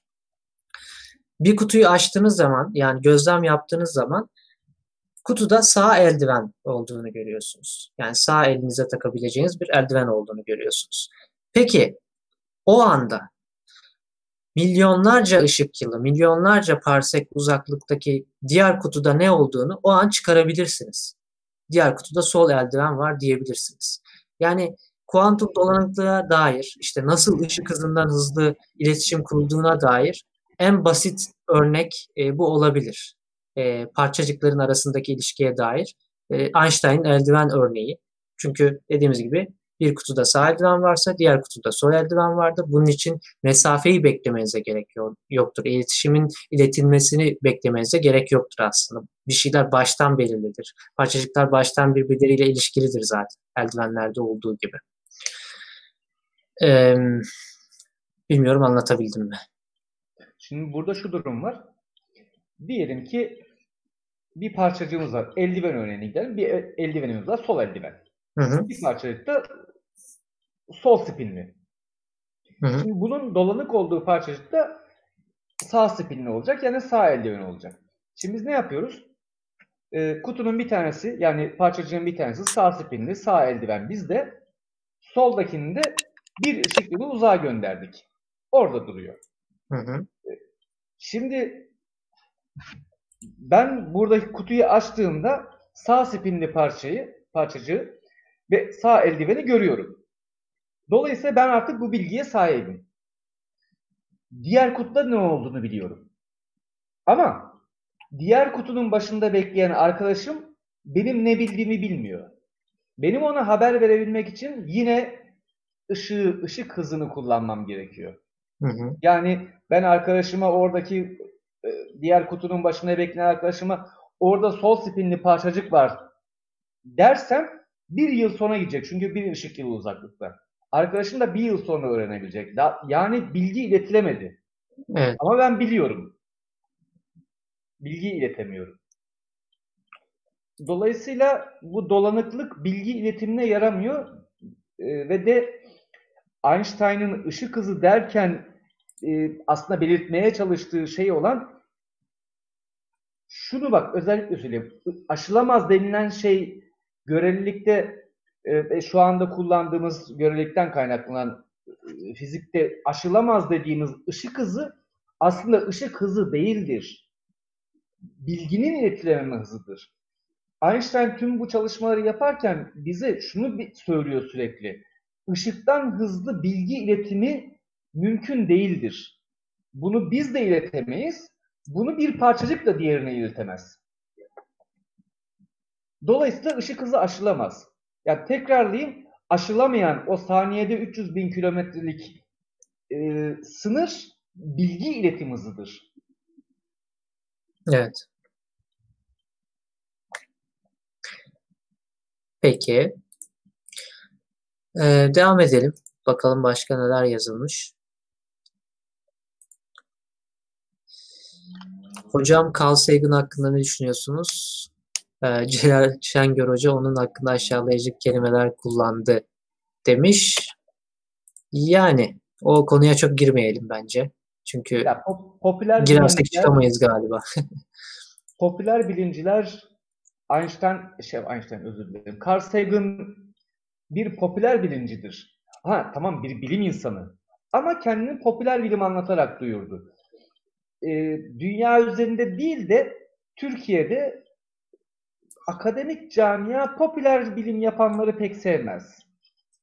Evet. Celal Hoca da bunun kurbanı oluyor. Kendi kendini kurban ediyor bu şekilde. Düzgün evet. bir şekilde anlatsa daha düzgün olurdu. Yani neymiş efendim popüler bilim anlatarak para kazanıyormuş, sahtekarın tekiymiş, şuymuş, şuymuş. yani bilim dediğiniz şey sadece oturup bir şeyler keşfederek yapılmaz. Bilimi anlatabilmek çok önemlidir. Carl Sagan kadar herkesin anlayabileceği biçimde bilimi anlatabilen, çok karmaşık konuları anlatabilen kaç tane insan var? Carl Sagan o yüzden çok özel. Carl Sagan'ı Carl Sagan yapan bilimsel alanda yaptığı çalışmalar değil. Ya sokaktaki işte bakkal Mahmut abiye, kahvedeki amcaya falan anlatabilmesi önemli zaten. Onu o büyük yaptı. O onun sayesinde birçok insan uzayla, evrenle, kozmosla, atomla, evrimle bilimsel birçok e, konuyla ilgilenmeye başladı. E Celal Şengör ne yaptı? Yani Fatih Altaylı kankası olmasa televizyona çıkabilecek mi? E kankası var sabahtan akşama kadar konuşturuyor onu orada. Zafer Emecan e, Celal Şengör'e laf atıyor. Celal Şengör'e şu diyor. ya kusura bakmayın her konuda konuşuyor. Bir bilim insanı her konuda konuşmaz. Uzmanlık alanında konuşur. Örneğin onun uzmanlık alanı jeoloji. Jeoloji üzerine çıksın anlatsın, sürekli konuşsun, sürekli konuşsun, dinleriz. Örneğin İstanbul'daki veya işte büyük şehirlerimizdeki deprem tehlikesi hakkında konuşsun. E, dünyanın jeolojik yapısı hakkında konuşsun, bizi bilgilendirsin. Bilim tarihi konusunda da bilgili bilim tarihi konusunda da konuşsun. Ama yani eline mikrofon ağzına her uzatıldığında her şeye de konuşmasın. Evet. Carl Sagan bunu yapmıyordu. Sadece bildiği alanda konuşuyordu. Kalkıp da Carl Sagan jeolojiden konuşmuyordu. Ne bileyim e, e, evrim teorisinden konuşmuyordu. Ya da ekonomik alanda konuşmuyordu. Siyasi konulardan konuşmuyordu. İşini yapıyordu. O yüzden efsane oldu. Yani Celal Şengör öldükten sonra çok küçük bir azınlık dışında 50 yıl sonra kim hatırlayacak Celal Şengör'ü? Ben 500 yıl sonra da hatırlayacağız. Bak YouTube'a klibini alır atarlar hocam. Söyleyeyim. ben no comment diyorum. Yorum yapmıyorum. Hiç o tehlikeli sulara girmiyorum. Ee, insanlar çok farklı düşünüyorlar bu konuda tabii. Sana katılan birçok insan var veya ya senin aksini yani düşünen. Şu konuda ben, çok ısrarlıyım. Carl Sagan'ı 500 sene sonra da insanlar hatırlayacaklar. Tüm dünya hatırlayacak. Türkiye'deki herkes de hatırlayacak. Ama 100 sene sonra Celal Şengör'ü hatırlayan bir avuç insan kalacak. Ne bir avuç ya? Bir iki elin parmağı. Evet. 100 sene bile çok oldu. 50 sene diyelim buna. Ya ben şu açıdan düşündüm biraz. Madem girdik ben de kendi Bu arada, fikrimi söyleyeyim. Bir hatam varsa şu hatamı da düzelteyim. Celal Şengör iyi bir şey de yapıyor. Yaptığı iyi şey ne? İnsanlara en azından televizyona çıkıp bilim anlatıyor. Ve de olabildiğince iyi anlatmaya çalışıyor. Fakat evet. ya az konuşmak lazım. Ya Türkçe'de bir e, bizim bir deyimiz vardır bilirsin yani çok konuşan boş konuşandır. e, chatten Nuntius Nudus seni kim hatırlayacak hocam demiş. Ya beni zaten kimse hatırlamaz ki. evet. Peki o zaman ya zaten bu konuyu kimse bilmiyor. bu konuyu kapatalım isterseniz. Ee, başka sorularınız varsa bakalım. Var mı? Cevaplayabileceğimiz sorular veya konuyla alakalı. Başka da bir şey kalmadı diyebiliriz. Uzay zaman bükülmesinden bahsedebilir misiniz diye biri sormuş. Ak, Onu istersen ak, bir görelilik yapalım sormuş. bir dönem. Aynen görelilikle ilgili detaylı konuşmak lazım. Bu yayında zaten evet. e, fark ettiyseniz çok yani yüzeyselin yüzeyselinden geçtik. Çünkü e, bu kadar kısa sürede bahsetmemize rağmen yani kısa bir şekilde bahsetmemize rağmen yine de yayın uzun sürmüş. E, ayrı ayrı yayınlar yapmak lazım buna ve hatta daha bu konuya hakim e, işin matematiğine e, hakim insanlarla da e, yapabiliriz aslında bunu. Mesela e, Ögetay'la bir yayın yapmıştık. E, Çok güzel bir yayındı. Biz hangi konu, yıldızların oluşumu muydu, galaksilerin oluşumu muydu? O konu üzerine güzel bir yayın yapmıştık.